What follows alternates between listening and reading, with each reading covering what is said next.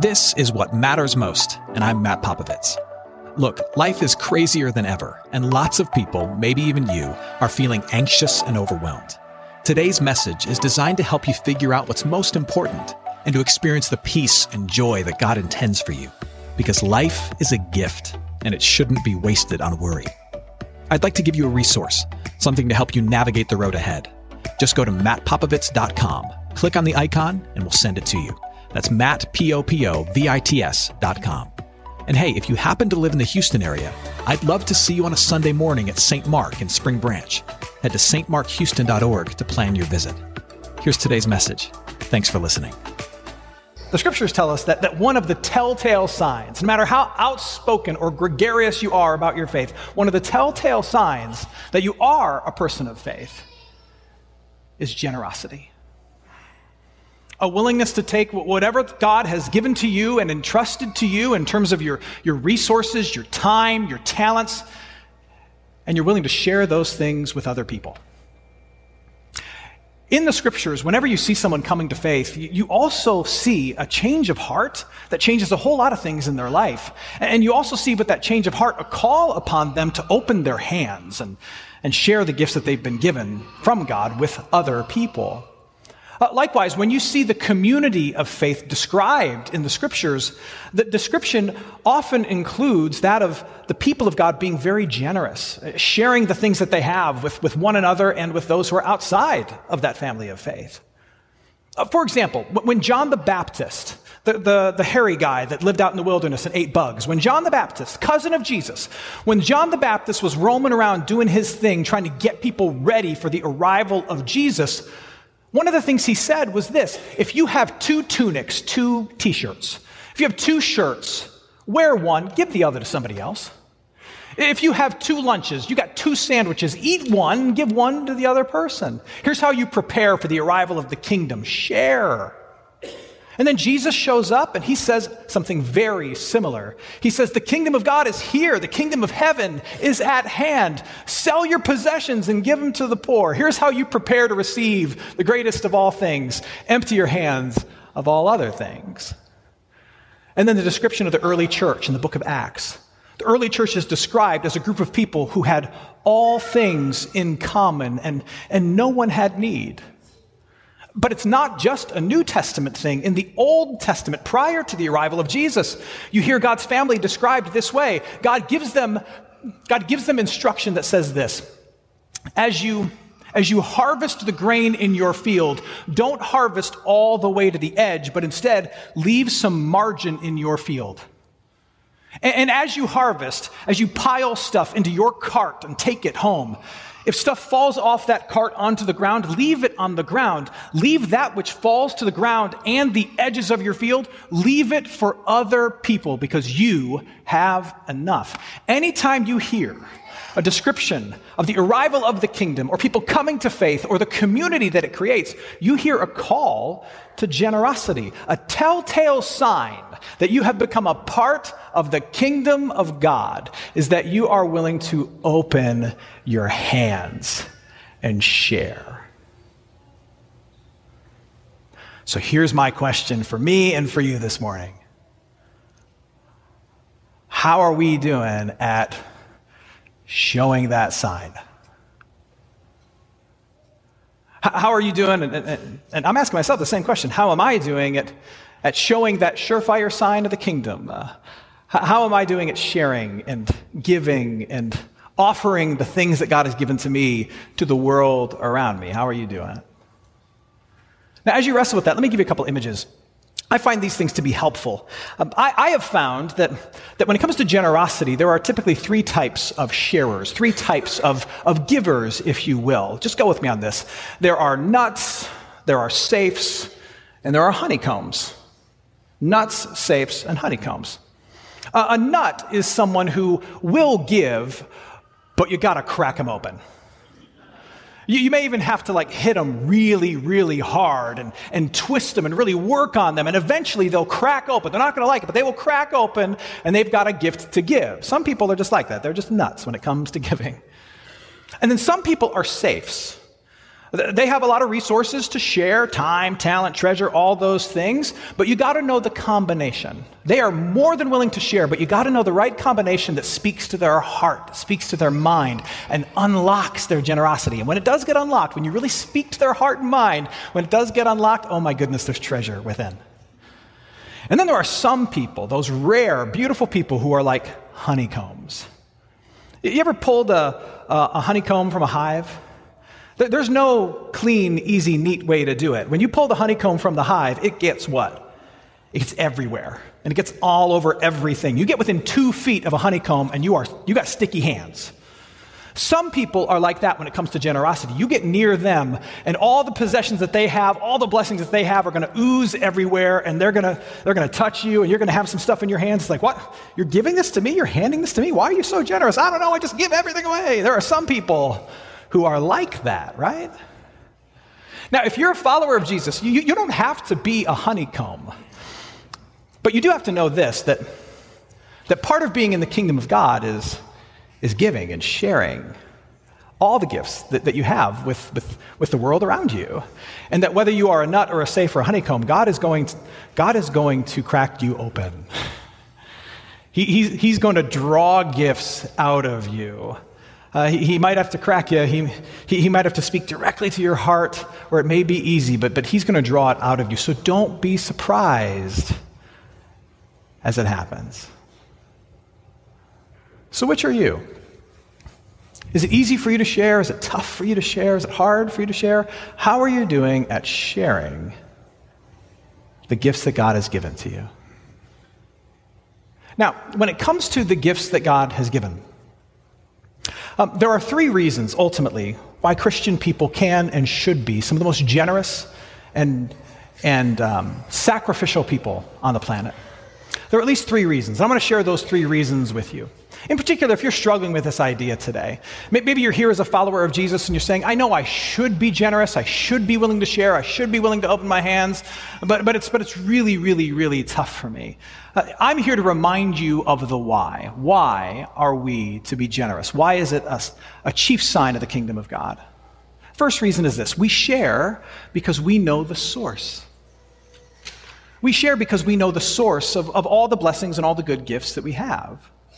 Indeed, that's one of the first light bulbs that comes on when you come to faith. You, you start to understand that I, I, I really haven't earned anything. Every single thing in my life, from the breath in my lungs, to the money in my wallet, to the kids in my care, to the home that I have, all of it comes from God. All of it is a gift. I, I, I haven't really earned anything, it all comes from Him. The book of James, deep in the New Testament, gets at this point when it says these words James chapter 1, verse 17. In fact, it might be good for us to say these words together. Would you say these with me out loud? Every good gift and every perfect gift is from above, coming down from the Father of lights. One of the things you'll notice in the Christian faith is that we don't really talk about possessions, we talk about gifts. And that's because we know where things come from. And also, if we're using our language appropriately, biblically in the Christian faith, we don't really talk about ownership either, because we understand that, that everything comes from God and it's ultimately on loan from God. And so instead of ownership, we talk about a different thing. We talk about stewardship, which is just a fancy word for the fact that you and I are really just momentary managers of everything that we possess. We are momentary managers. We don't talk about ownership, we talk about stewardship. Because what what faith teaches us is that everything we have is undeserved. And everything that we have, all of it, is on loan from the Almighty. And the more you, you are at rest in that truth, the more you come to terms with that truth, the more ludicrous it seems to hold on to all the temporary things in your hand for dear life. You didn't put them there, you won't be able to keep them there. So why not share them while they are there? We know the source. We also share because we know the limits of the treasure that we possess. We know the limits of it. And Jesus, Jesus went out of his way to try and tell us the limits of earthly stuff. Yes, it's all from God and it's all a gift, but it has severe limits. You just heard these words from Jesus, but they're worth repeating. Luke chapter 12, verse 33, Jesus says this Provide yourselves with money bags that do not grow old. The implication is your wealth grows old. With a treasure in the heavens that does not fail. Earthly treasure in the end will fail. That's the implication of what Jesus says. All the earthly gifts, though of God, are temporary. And at some point, they will be taken from us. And that's important for us to be reminded of because not only will that keep us from holding onto it too tightly, it also, it also keep us from, from worshiping those things wrongly. And that's the tough truth that, that you and I don't, don't really like to hear that at the heart of an unwillingness to share, at the heart of a death grip on all the stuff of life, our time and our talent, and indeed our, our treasures, our, our finances and our possessions, at the heart of a death grip on those things is idolatry. I worship that stuff, man. And I know you do too. And you might say, well, I, I don't worship it, but let's be honest. You kind of do. And, and, so do I. Here, here, here's how it looks. Here's how it works, rather. Um, we each define our own little version of heaven and hell. We each define our own little version of heaven and hell. And maybe for you, your, your own little version of, of lowercase h heaven is, is being the most successful of your siblings. Or, maybe it is never again facing some of the, the poverty and insecurity that you knew in your childhood. Or, or maybe it is being acclaimed and affirmed by your peers. And so what happens, because that's your heaven, you hold on to and you have a death grip on all the, the temporary stuff of life because you think that by getting more of that stuff or holding on tightly to that stuff or amassing a big pile of stuff, it will help you arrive at heaven and avoid hell. By holding on to your time and your talent and your treasure and all these different resources, it will help me be more successful than my brother. It will help me avoid the poverty of my childhood. It will help me be the most, most successful of my peers. It will help me attain that lowercase s salvation. Well, all of that, my friends, that's worship. That is the definition of idolatry. And that's why when John the Baptist says, prepare for the kingdom of God, and he says, if you've got a lot of stuff, share it. It's why Jesus shows up and he says, look, if, if you want to prepare for the kingdom of God, get rid of stuff, let go of stuff. Because something better is on the way. Because, you know, Jesus used to say, it's hard for rich people to enter heaven. Do you know why he would say that? And by the way, I'm not talking about some rich people out there. We're not talking about Elon Musk. Talking about me. I'm talking about you. In, in, the, in the grand scheme of things, in the grand scheme of time and eternity, and even this day and age, we, we are the wealthy ones, okay? And Jesus says it is very difficult for wealthy people People who have a lot of stuff, it's very difficult for people who have a lot of stuff to, to connect with, to get close to, to understand the kingdom of heaven. Why? Because we have, we have just enough stuff to help us deal with all the symptoms and ignore the problem. The symptoms are things like loneliness or anxiety or feeling like I'm not enough and I have to prove myself. The, the symptoms are all the sins I indulge to kind of gratify this, this broken heart that I have. Those, those, are all, those are all the symptoms. And I've got a whole lot of treasure to help me deal with all of those symptoms. And I can deal with them pretty well, and I can convince myself that I don't have the disease. But the disease is different than all the symptoms we're able to treat with all of our stuff. The ultimate disease affecting humanity is the fact that you and I need a right relationship with the one who made us. We need to be known by him, loved by him. And, and we can't fix that or forge that on our own. You, you can't attain it by amassing a certain amount of success or certain possessions. You can only receive that passively through faith in Jesus Christ. And so you can go around spending all your time and all your treasure dealing with all of the symptoms and convincing yourself you don't have the disease and miss the point completely. But here's, here's what the people of God know. Here's what you know that possessions, though gifts of God, that time and talent, though coming from God, in, in the hands of sinful, broken people, they become like opioids to the soul, numbing pain, allowing us to ignore the real disease, demanding dependence, and all the while keeping us from addressing the real issue. And you know that that's what it does. And so you are free to let go of those things because you know the limits of those things. These things cannot cure the disease. Only faith in Jesus cures the real disease. And so I'm able now to let go of some of these things and share these things because I'm not fooled by these things. I know the limitations and the temptations of these things. And that's why I share. Hey, friends, it's me, Matt, and with me is Rachel. Hey, guys. And we're here to tell you about What Matters Weekly, a newsletter from MPM. Rachel, if they sign up for the newsletter, what do they get? Well, each week they'll get original content from you sent straight to their inbox, curated links from around the internet, and the latest on all things MPM, including episodes of this program, What Matters Most, as well as our podcast, Make It Simple. And here's how you sign up head to mattpopovits.com and click newsletter. That's Matt Popovits, M A T T P O P O V I T S.com, and click newsletter. Yeah, and we'd love to stay connected with you every Friday with What Matters Weekly. Now, back to the show. Now, on the flip side, we also share because we know the power. And that might seem like that might seem like a contradiction. We share because we know the limits, but we also share because we know the power. Uh, let me explain it like this. We, we know the power of our resources when they are placed in the right hands and when they are utilized for the right purposes. Uh, let, me, let me give you a $5 theological word, okay? The $5 theological word for the day is immutability. Immutability. In, in theological circles, God is said to be immutable.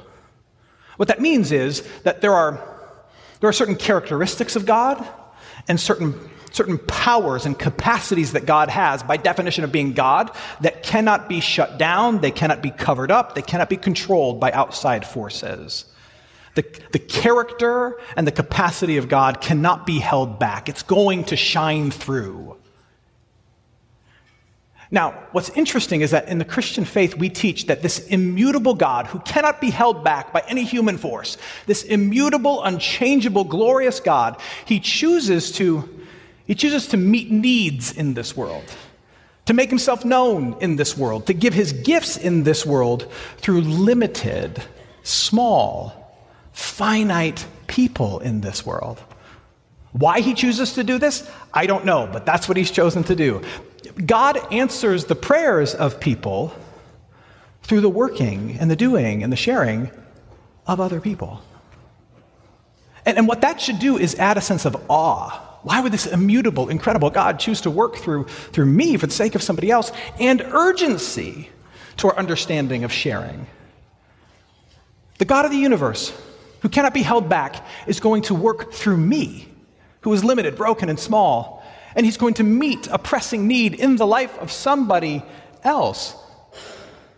You see, uh, the church, local church, is waiting on God for certain things. Your neighbor is waiting on God for certain things. People at your workplace, in your community, they are waiting on God for certain things, which means that they are waiting on who? They are waiting on you for certain things. Because the God of the universe chooses to work through people giving, serving, sharing, sacrificing to meet somebody else's need and to answer somebody else's prayer. And what you know, what you know, is that that's a fact.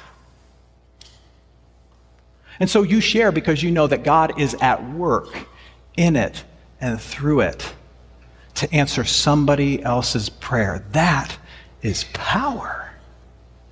Who am I to hold back the divine activity of God because I will not share the things that God has entrusted to me? That's why we share. Now, you might be here as a person who is not yet a follower of Jesus. And if you're not yet a follower of Jesus, then, then I have what might be some good news for you. We're talking about how generosity is a sign of having encountered the kingdom. It's, it's one of the trademarks of the people of God and followers of Jesus because we know these certain things to be true and it changes how we view our time, our talent, and our treasure.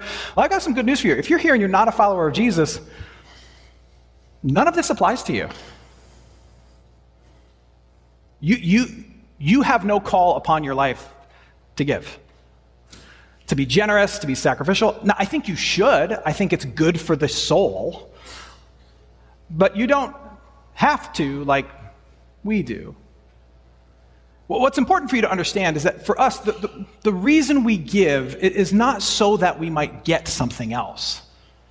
Uh, we don't give because we want to be good. We don't want to give because we want to prove our devotion to God. All the generosity and sharing that we're talking about is meant to flow from something we already have, not, not towards something we're trying to possess, if, if that makes sense. You see, what we believe is that we have been brought into, through no effort of our own, we have been brought into a right relationship with God.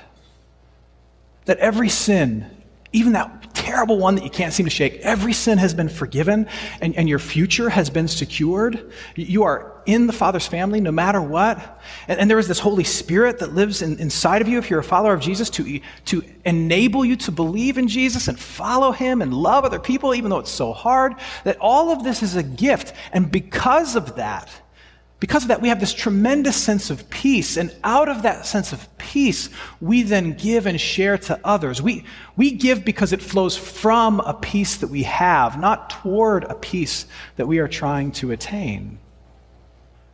And by the way, that's one of the things that separates Christianity from virtually every other religion or, or worldview on the planet. Every other religion puts forward certain values, certain habits, that it prescribes or recommends, but they're all working toward an end. They're working toward the receiving of something else. It's about attaining to a higher plane or proving your devotion so that you might enjoy eternity. It's all flowing toward trying to attain something from God. I give so that I might get from God. It is all flipped around in the Christian faith. We, we give because we have received from God. And so if you're here and you're not a follower of Jesus, you, there is no call upon you to give. Instead, my invitation to you is to, is to perceive the gift that is offered to you in Jesus Christ. To know that there is a right relationship with the Father that is yours. It's already been bought, paid for, earned, and it's handed to you. And that there is a peace and a purpose that is waiting for you, out of which can flow tremendous generosity. But first and foremost, know the peace and receive the gift. Now, if you are here as a follower of Jesus, all of this is, is meant to remind you of the fact that, that we are to give the sign to the rest of the world that we belong to the kingdom. And one of the, one of the chief signs that we give is our willingness to give, to serve, to share, to, to hold the things of this world loosely and to let them fall into the laps of others or be given into the lives of others. And so I'll say this very, very, clearly, but very humbly. Um, if, if you're a follower of Jesus and, and you are not yet serving in any capacity, in, in the community at large, in, in the church that you call home, it, it, it's time to give the sign. It's time to show the sign of generosity to the rest of the world. It's time. If, if you have not yet created any margin in your, in your finances or your possessions to share with someone other than yourself, to share with a place or a person outside of yourself and outside of your family, it, is time to change that. It is time to show that sign to the rest of the world. If, if you have gifts and talents that, that bring you incredible pleasure, and maybe you've blessed a handful of people, but the rest of us have no idea that you're really excellent at this or you've been gifted with that. It is time to come out of hiding and share those gifts with, with, with the church, with the community, with the, with, the, with the world at large around you. It is time to show that sign. It is time because this, this, my friends, is who we are. It's what we do, and it's, it's the sign that we give to the rest of the world that we belong to a kingdom. A kingdom that matters and changes everything. Hey, it's Matt. I hope you enjoyed what matters most. Here's what I need you to know life is a gift, and it shouldn't be wasted on worry. I want to help you figure out what's most important and to experience the peace and joy that God intends for you. So, for more content, you can head to mattpopovits.com. That's Matt, P O P O V I T S.com. There, you can also support this ministry as well as access your free resource, a little something to help you navigate the road ahead. I'd also love to see you on a Sunday morning. If you're in the Houston area, head to stmarkhouston.org to plan your visit. In the meantime, Hit me up on Instagram at mpopovits or at facebook.com slash Matt Ministries. Thanks for listening. Now go and hold tight to what matters most.